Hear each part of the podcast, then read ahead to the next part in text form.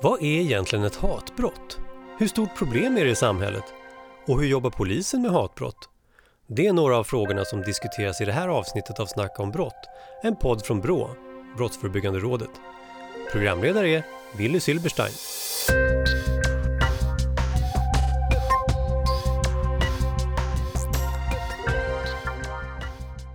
Välkomna till Brottsförebyggande rådets podd om hatbrott. Jag ska snart låta de tre som ska vara med i vårt samtal göra en väldigt kort presentation. Vi kommer att prata om vilka som är utsatta för hatbrott, stöd och hur polisen till exempel arbetar med de här frågorna. Jag heter Willy Silberstein och nu vill jag att ni tre som är här och ska prata med mig namn och var ni jobbar. Ska vi börja med Nina? Jag heter Nina Forselius och eh, arbetar som utredare på BRÅ på enheten för statistiska undersökningar. Tack Nina. Eva, vem är du? Ja, jag heter Eva Sund och jag är polis och jobbar nu som verksamhetsutvecklare Eh, och jag är på den nationella operativa avdelningen inom polisen. Tack och så har vi även Cornelia. Vem är Cornelia? Ja, jag heter Cornelia Johansson och jag arbetar på Brottsofferjouren Sverige och jag arbetar med projekt som rör sig kring hatbrott och demokratibrott. Tack Cornelia. Jag gör så att jag tänker ställa några frågor till var och en och sen hoppas jag att ni har mycket kommentarer på varandra. Vi börjar med dig Nina. Väldigt kort. Hatbrott, bara så vi fattar. Vad är det? Hatbrott är ett samlingsbegrepp för när ett brott begås med ett hatbrottsmotiv. Och då kan det vara gärningspersonens föreställningar om en persons etnicitet, religiösa tillhörighet, hudfärg, sexuella läggning eller könsöverskridande identitet. Mm. Och jag vet inte hur mycket man vet om det, men ökar hatbrotten i Sverige? Det går inte riktigt att svara på om hatbrotten ökar, men vi kan se i den statistik som vi tar fram som baseras på polisanmälningar att 2018 var ett högre antal anmälningar om hatbrott av de som vi kunde identifiera. Och är det några grupper utifrån anmälningarna som är mer utsatta än andra? Igen är det svårt att uttala sig om enskilda gruppers utsatthet men det främlingsfientliga och rasistiska motivet är vanligast bland de anmälningar som vi tittar på. Och det är ungefär 70 procent av de som blir utsatta för hatbrott som, där motivet är främlingsfientligt. Och Nina, jag förstår att det kan vara svårt att svara på det, men går det att säga någonting? Hur ser en typisk gärningsperson ut? Brå har inte tittat på gärningspersoner för samtliga motiv och hatbrottsstatistiken utgår ifrån anmälda brott och där står alltså brottsoffret i fokus men också relationen mellan gärningsperson och offer. Men 2018 så gjorde Brå en forskningsstudie om antisemitiska hatbrott och i intervjuerna där med utsatta så framgår att eh, uppfattningen om vem gärningspersonen är skiljer sig mellan olika intervjupersoner men också i vilka miljöer som de här intervjupersonerna rör sig i. Nu förstår jag inte riktigt, vad, vad betyder det på vanlig svenska om gärningspersoner? Att man skulle kunna säga att resultaten i den här studien eh, ger i alla fall stöd för forskningen om att antisemitism förekommer inom många olika miljöer och inom olika samhällsgrupper. Och att antisemitismen också bör ses som ett, um, alltså ett allvarligt samhällsproblem. Även om det finns tydligare koncentration i vissa miljöer. Mina fördomar säger mig att det mest är män som är gärningspersoner. Stämmer det? Den här rapporten som Brå gjorde 2018, resultaten tyder i alla fall på att det ofta är unga män. Men att brotten begås av både unga män och kvinnor och också inom äldre åldersgrupper. Och det kan alltså handla om personer som kommer från nationalsocialistiska miljöer, politiska miljöer, men det finns också exempel på personer som inte har någon tydlig koppling till de här miljöerna. Och får jag till sist i den här delen fråga dig Nina, Tror du att det finns en risk att människor på grund av äh, rädsla för hatbrott inte riktigt vågar visa vilka de är när de rör sig ut i samhället? I de här eh, polisanmälningarna som vi går igenom så ser vi exempel på personer som uttrycker att de inte vågar bära religiösa symboler öppet eller att de inte vill visa andra symboliska markörer, exempelvis regnbågsflaggan, för att de är rädda för att bli utsatta. Tack så här långt Nina, du kommer tillbaka för vi ska samtala med varandra. Men nu tänkte jag fråga Eva Sund, nationella operativa avdelningen vid polisen. Eh, delar du Brås bild att det här, ingen vet, men att det verkar vara ett ganska stort och möjligen också växande samhällsproblem, hatbrott? Att det är ett samhällsproblem, det är ju helt klart. Men jag menar ett växande samhällsproblem? Nej, det, det kan jag inte säga utifrån de anmälningar vi får in. Utan där får jag hänvisa till Brå. Vad kan du säga, vad gör polisen för att hjälpa människor som utsatts för hatbrott? Ja, sedan 2015 så har ju vi satsat på att bli bättre på det här med hatbrott. Så vi har ju skapat en organisation för att just utreda hatbrott och vi har också jobbat väldigt mycket med förtroendeskapande arbete.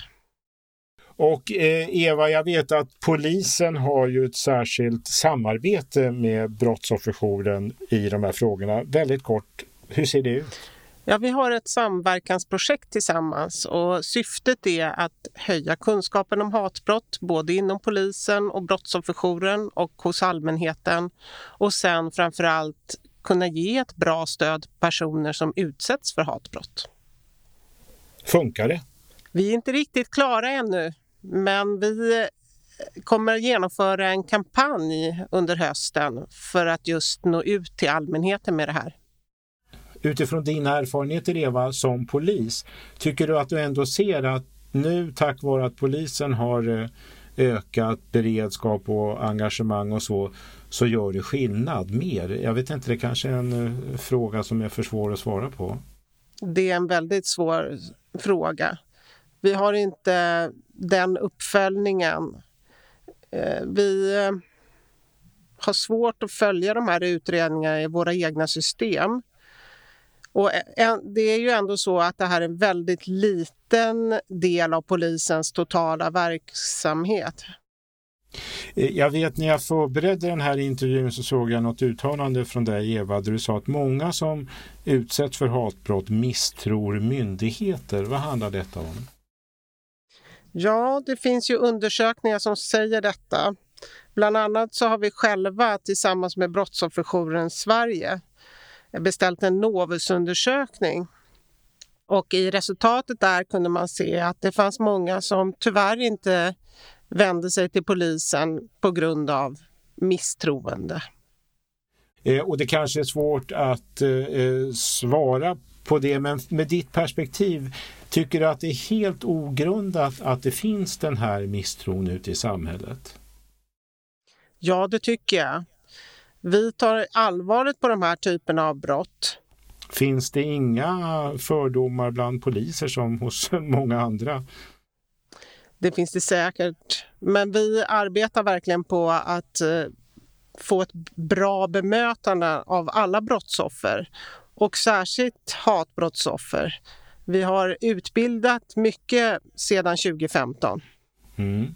Och törs du säga att det finns idag en god kunskap eh, inom svensk polis om de här brotten? Ja, det tycker jag. Men vi måste hela tiden se till att det här förnyas eftersom polisen är en så stor organisation som har en omsättning på många människor. Och gör ni det också, ser till att den här kunskapen som du säger förnyas, funkar det i praktiken? Ja, vi har mycket utbildning internt och vi får också hjälp av eh, eh, våra lärosäten där polisskolorna finns. Och, och till sist till dig då Eva, den här delen. Törs du säga, är du optimistisk att samhället kommer att få ett bättre grepp kring de här problemen framöver? Jag tror att det är helt nödvändigt att vi jobbar med hatbrott. Eftersom den anled enda anledningen är ju att vi, det är nödvändigt för samhället och för att vi ska kunna ha en demokrati. För en demokrati bygger ju på uppfattningen om att människor har ett lika värde. Och hatbrott, det sätter ju det här ur balans när man då anser sig vara för mer än någon annan och trycker ner andra människor. Tack Eva. Nu ska jag ställa några frågor till Cornelia Johansson, Brottsofferjouren. Och det säger sig kanske självt, men i bara ytterst få ord. Vad är Brottsofferjouren? Vi är en ideell organisation eh, som arbetar med att ge stöd till brottsoffer, vittnen och anhöriga. Eh, vi har ungefär 70 stycken lokala jourer runt om i Sverige med 1300 stödjare och 100 anställda. Och vi hjälper personer som har blivit utsatta för brott. Eh, och vi har även en vittnesstödsverksamhet som finns i tingsorterna. Och eh, att tillägga är också att alla som har blivit utsatta för brott kan få hjälp hos oss. Det är inte bara så att det är personer som gjort polisanmälan, vilket är en vanlig missuppfattning. Och du, får jag fråga, eh, när just när det gäller hatbrott, ställer det några andra krav på er på Brottsofferjouren jämfört med andra brottsoffer? Ja, när det kommer till hatbrott så är det viktigt att vi eh, tänker till hur vi ger stöd. Det här är personer som ofta har varit utsatta för många brott eh, och har en lång historik av utsatthet bakom sig. Så där måste man vara väldigt försiktig i det stödet ge oss en konkret bild när det är någon som har utsatts för hatbrott och ni ska hjälpa till. Vad gör ni? Berätta så konkret du kan. Ehm, det brukar vara så att vi får ett samtal. Vi har en nationell hjälplinje. Ehm, där kan vi få in en person som ringer eh, som har blivit utsatt för brott, som behöver någon att prata med. Våra rådgivare brukar bekräfta det som de har varit utsatta för, att det här är ett brott. Eh, också att det här är ett hatbrott och förklara vad det innebär. Många som har blivit utsatta för hatbrott som vi hörde har ju inte vågat polisanmäla eller har eh, en låg tilltro till myndigheter. Och där kan vi komma in och stötta dem och se till att de får stöd men också vara en kontaktperson i mötet med myndigheter och polisen. Är det svårt att vara stödperson till någon som har utsatts för hatbrott? Eh, ja, det kan vara svårt. Det är därför vi har den här insatsen nu med polisen, för att vi vill öka vår egen kunskap. Eh, och vi jobbar mycket med en intern utbildning. Det som är viktigt är att vi har en um, kulturkompetens, brukar vi prata om. Och det betyder att vi har bra kunskap om hur de här olika grupperna fungerar och vad det finns för traditioner och så vidare. För då är det lättare för oss att möta dem också. Och det gäller att vara, eh, som jag sa, väldigt eh, försiktig. För att det är väldigt svårt att prata om hatbrott. Det är en extrem kränkning på den eh, utsattas person. Eh, och där måste man vara försiktig. Och samtidigt kan jag tänka mig att just, ja det kanske gäller många olika typer av offer för, för brott men att de som utsätts för hatbrott är eh, verkligen i skriande behov av stöd. Så det måste ju vara en, det är lite insmickrande fråga, men det måste ju vara en väldigt viktig eh, uppgift när ni får hjälpa sådana människor. Absolut, det är jätteviktigt. Och eh, det som vi ser är det viktigaste är ju det här eh, medmänskliga stödet och samtalet som vi erbjuder. Eh, det är jätteviktigt för att kunna bearbeta vad man har varit med om. Och också att få kunna prata och bli bekräftad Det är jätteviktigt för att kunna gå vidare helt enkelt. Det här att inte bli dömd eller inte att bli ifrågasatt. Eh, men vi erbjuder också information om rättegångsprocessen och allt sånt där. Det är många personer som aldrig har varit med om en rättegång innan till exempel, så att man har många funderingar. Och Cornelia, till de som nu lyssnar och kanske kommer att träffa människor som utsatt för hatbrott.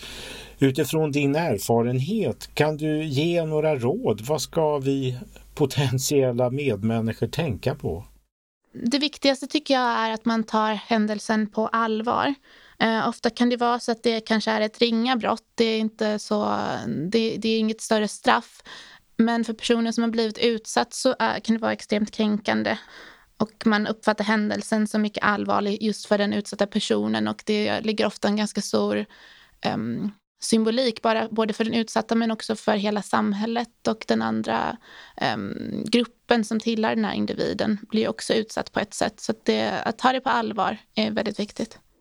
Och Finns det, tror du, en risk för att omgivningen kan ja, bagatellisera och säga att det där är väl inte så farligt? Brukar du stöta på att eh, människor kan reagera så? Absolut, och så reagerar ju också eh, många brottsoffer. Att man tänker att det här är en del av vardagen. Hatbrott är något som normaliseras. Man är ju van att bli diskriminerad till exempel. Vi har många personer som kanske blir eh, mobbade som barn, växer upp, blir diskriminerade på arbetsmarknaden, blir utsatta för hot på stan, ser klotter som riktar sig mot ens person och också som, eh, mot ens grupp. Eh, och man tänker att det här är ingenting konstigt utan det här får man stå ut med och så är det ju så självklart inte. Och eh, ehm, Utifrån dina erfarenheter, ser du också en risk eh, som vi hörde tidigare att människor inte riktigt vågar visa vem de är? Att de inte ja, visar en regnbågsflagga eller har en religiös symbol? Absolut, det kan vara en konsekvens av hatbrott. Eh, att man begränsar sig själv och samtidigt förminskar man ju sig själv. Och där är det jätteviktigt att både civilsamhället och myndigheterna visar tydligt att vi står på din sida och vi står för mänskliga rättigheter och du ska ha rätt att uttrycka dig själv. Och ingen brottsutsatt ska känna att de är ensamma. Och till sist eh, Cornelia, nu sitter du bredvid polisen Eva så jag vet inte hur ärlig du törs vara men fungerar eh, Brottsofferjourens samarbete med polisen?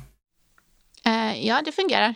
Absolut. Det är jätteviktigt. Vi får ju in våra ärenden från polisen, de allra flesta, så det är superviktigt att vi håller upp den kontakten och nätverkar med varandra.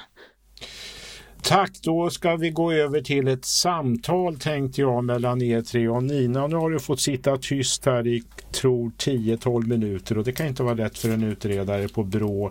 Är det något särskilt utifrån det du har hört som du reagerar på och vill ta upp?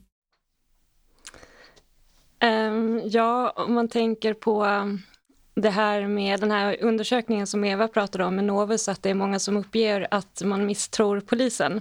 Alltså anmälningsbenägenhet generellt är är väldigt individuellt och att en rädsla för att inte bli tagen på allvar eller att vara rädd för att inte bli trodd eller förstådd kan ju finnas hos en individ, alltså oavsett hur bra polisorganisationen är på den här typen av brott. Eh, men det kan ju också finnas en, eh, alltså en uppgivenhet eller en känsla av att man Även om man skulle anmäla någonting så leder ingen vart. Precis för som Cornelia säger så kan det handla om, enligt straffskalan, ett lindrigt brott. Och Nina eh, från Brå, kan du förstå att människor kan känna just att de är rädda att inte bli trodda eller eh, ja, det finns en uppgivenhet. Kan du förstå den reaktionen? Ja, men jag tänker att precis som Cornelia är inne på att det ligger i utsatthetens natur lite grann att eh, man som individ är van att inte bli tagen på allvar eller att van att bli kränkt för den egna personen och då är ju alltså steget till att be om hjälp tänker jag blir längre.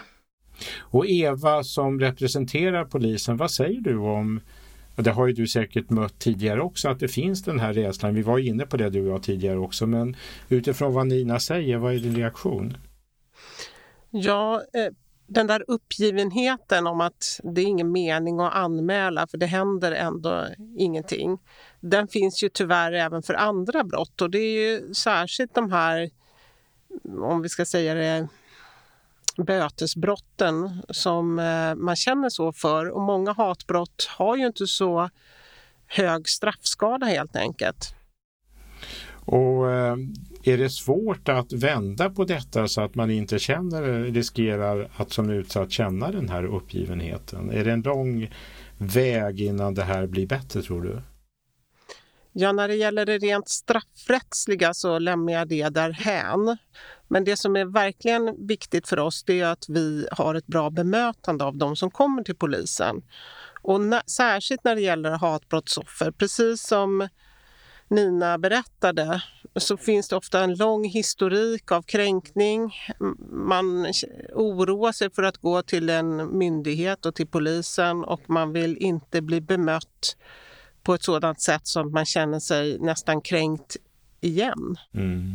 Och Cornelia från Brottsofferjouren, du måste också möta det här. Vad, vad säger människor till dig när du säger anmäl och, och det kan finnas en uppgivenhet? Vad möter du?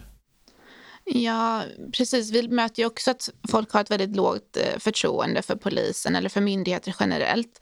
Eh, men där tänker jag att Brottsofferjouren har en ganska unik roll som en sån här ideell opartisk organisation att kunna ta kontakt och erbjuda stöd och vara den där eh, kontakten emellan den utsatta och polisen eller vilken annan myndighet det skulle kunna vara.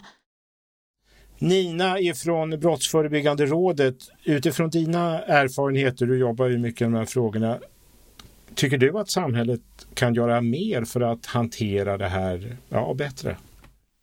Absolut, eh, och det tänker jag att vi måste göra. Eh, och att vi kan bli ännu bättre på att uppmärksamma och identifiera hatbrott. Och lite grann som Eva var inne på, att bli bättre på att se hur de här ärendena hanteras inom rättskedjan. Och eh, bli bättre på eh, utredningsarbete och lagföring. Eh, och även om en utredning läggs ner av olika skäl så handlar ju ehm, alltså har vi väldigt mycket att vinna på att brottsoffret får ett bra bemötande både hos alltså polisen, rättsvården, myndigheten men också brottsofferjouren. För att det handlar ju om att eh, brottsoffret behöver bli bekräftat utifrån den utsattheten som har förekommit. Får jag fråga dig Nina, när du säger att vi måste bli bättre som samhälle då på att uppmärksamma de här brotten. Konkret, vad tänker du på då som behövs? Alltså på den civila sidan så tänker jag att eh, det finns ganska mycket att arbeta med vad det gäller att bekräfta utsatthet eh, och att våga ifrå säga ifrån om man hör eller ser kränkningar på sin arbetsplats, i skolan eller i kollektivtrafiken. Att eh, alltså visa på att det här det är inte okej. Okay. Och jag tycker också att vi ser exempel på det även när vi i anmälningsstatistiken att vi ser att personer faktiskt anmäler till polisen när de ser att någon annan blir utsatt för ett hatbrott. Även om de inte känner brottsoffret utan det är någonting som man ser och man tycker inte att det är okej. Det, det finns med andra ord en del eh, civilkurage på det här området låter det som. Absolut. Eva från polisen, vad säger du om detta? Vad samhället kan göra bättre eller? Ja. Att identifiera hatbrott är viktigt därför att många som utsätts vet heller inte att de är utsatta för ett brott och det är en av anledningarna till att man inte anmäler det. Och om brottsoffren inte själva identifierar de här brotten då måste samhället hjälpa till och tala om att det här är inte okej. Okay. Sociala medier har ju tillkommit på senare år och spelar en ganska stor roll tror jag i den här typen av eh, både brott och ändå kränkande yttringar. Vad säger du? Alltså sociala medier eh, är ju alltså ett verktyg för att enkelt sprida texter och budskap på internet. Så att den som har skrivit originaltexten kan ju få den delad flera gånger. Men sen är det ju inte säkert att de som läser och delar vidare de här inläggen förstår innebörden av inlägget eller budskapet. Att det kan vara brottsligt att faktiskt eh, sprida det vidare. Hets mot folkgrupp är ju ett sånt brott exempelvis där det i själva brottsbeskrivningen krävs en offentlig spridning. Och där är ju sociala medier ett verktyg. Eva från polisen, eh, sociala medier, ja, det, det finns ju andra spärrar där. Det är ju tyvärr lättare att skriva rätt hemska saker om människor som man nog inte skulle drömma om att säga öga mot öga till någon. Vad, vad betyder det här för eh, det vi diskuterar nu? Ja, internet fungerar ju som en ekokammare så att eh, en dum sak som skrivs sprids och fortplantar sig snabbare än vad man tror. FOI de har gjort eh, studier på vilka är det som hatar. De där går att ladda ner från deras hemsida, är ett litet tips. Men då kan man se att man tror kanske inte att den här bilden av den som hatar skulle vara sådan som den faktiskt är. Det är oftast en eh, äldre man, över 40 år. Eh, och man kan också se när eh, sprids det här hatet och då är fredagkvällar en sån där topp. Ungefär vid åtta tiden. Och det här citerar jag från mitt minne nu så att eh, ni får själva kolla upp det i rapporten. Men det är ganska intressant att läsa. Cornelia, du som träffar då många, eller många, vissa brottsoffer utsatta för hatbrott. Märker du av att sociala medier har en viktig roll här? Mm, absolut. Och där vet vi ju att till exempel det kan vara så att man får trakasserier eller hat eh, online som också återigen känns som ett ringa brott. Men för den som är utsatt så är det ju eh, otroligt obehagligt och många som blir väldigt, väldigt rädda. Eh, de ringer till oss och frågar hur man får skyddad identitet. De vill ta bort eh, sitt namn från dörren för att de är rädda för att gå ut eh, och så vidare. Och det kan ju komma från något eh, ganska litet eller något som man tänker är O, inte oskyldigt, men någonting som sprids på sociala medier från en okänd person kan göra väldigt mycket skada. Och då låter det tyvärr som att de som vill göra ont via sociala medier har rätt hyggliga chanser att lyckas, för människor blir rätt så rädda utifrån dina erfarenheter, Cornelia. Ja, absolut. Det stämmer. Nina, vi ska snart runda av, men jag tänkte fråga dig. Det finns ju en del frivilligarbete. Jag tänker till exempel på näthatsgranskarna och juridikfronten. Gör de någon skillnad i hantering av de här frågorna, tror du? Alltså framförallt så kan man ju säga att de uppmärksammar alltså företeelsen med spridning av hatbrottsmotiv på nätet och att det är ett brott som ska anmälas. Men alltså betydelsen av deras aktiviteter har ju inte utvärderats. Eh, och, men samtidigt så vet vi att ju mer uppmärksammat ett fenomen blir desto större chans att anmälningsbenägenheten också ökar. Så, så det kan ändå summa summarum av det du säger, det kan göra en viss skillnad ändå de här frivilliginsatserna? Ja, alltså det kan ju ha ett utbildande syfte på gemene person, men utredningsmässigt vet jag inte, men det kanske Eva kan svara på. Jag tänkte just bolla det till Eva. Vad säger du utifrån ditt polisperspektiv? Gör de någon skillnad de här? Jo, men det gör de ju absolut. De uppmärksammar ju brotten och anmäler dem. Och det kan vi också se i anmälningsstatistiken att det har ökat just den här typen av anmälningarna och det är de här organisationerna som ligger bakom. Nu ska vi runda av som jag redan har varit inne på, men jag tänkte från var och en och Nina får tänka snabbast för du får frågan först. Det är någonting som ni var och en vill att de som lyssnar på denna podd, podd ska ta med sig och fundera lite på när denna eh, podd har klingat ut. Nina, vad vill du skicka med? Uh, nej men jag tänker på att vi måste bli bättre på uh, um, alltså problematiken kring hatbrott på alltså alla nivåer i samhället och att uh, det är viktigt att ta med sig att brott som begås med ett hatbrottsmotiv eh, är inte bara en kränkning kränkning mot den enskilda personen utan det är mot personens väsen, mot mänskliga rättigheter och också ett hot mot demokratin. Mm. Tack! Eva från polisen. Ja, jag håller fullständigt med Nina i hennes uppfattningar. Men jag tänker att var och en måste börja med sig själva. Det är där vi eh, har absolut störst framgång. Och det är helt enkelt att tänka över hur man själv beter sig. För det som kanske sägs i en obetänksamhet kan skada väldigt mycket. Tack Eva. Cornelia, Brottsofferjouren, ett medskick från Cornelia. Jag, jag håller såklart med både Nina och Eva. Eh, och från Brottsofferjourens eh, håll så vill jag såklart säga att det finns stöd att få. Och det gäller alla som har blivit utsatta för brott och också anhöriga och vittnen. Eh, och man ska inte känna att man är ensam utan eh, vi finns här för er.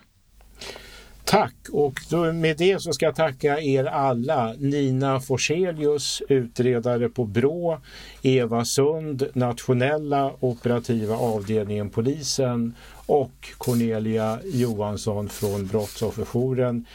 Tack till er och tack till alla er som har lyssnat på denna podd från Brottsförebyggande rådet.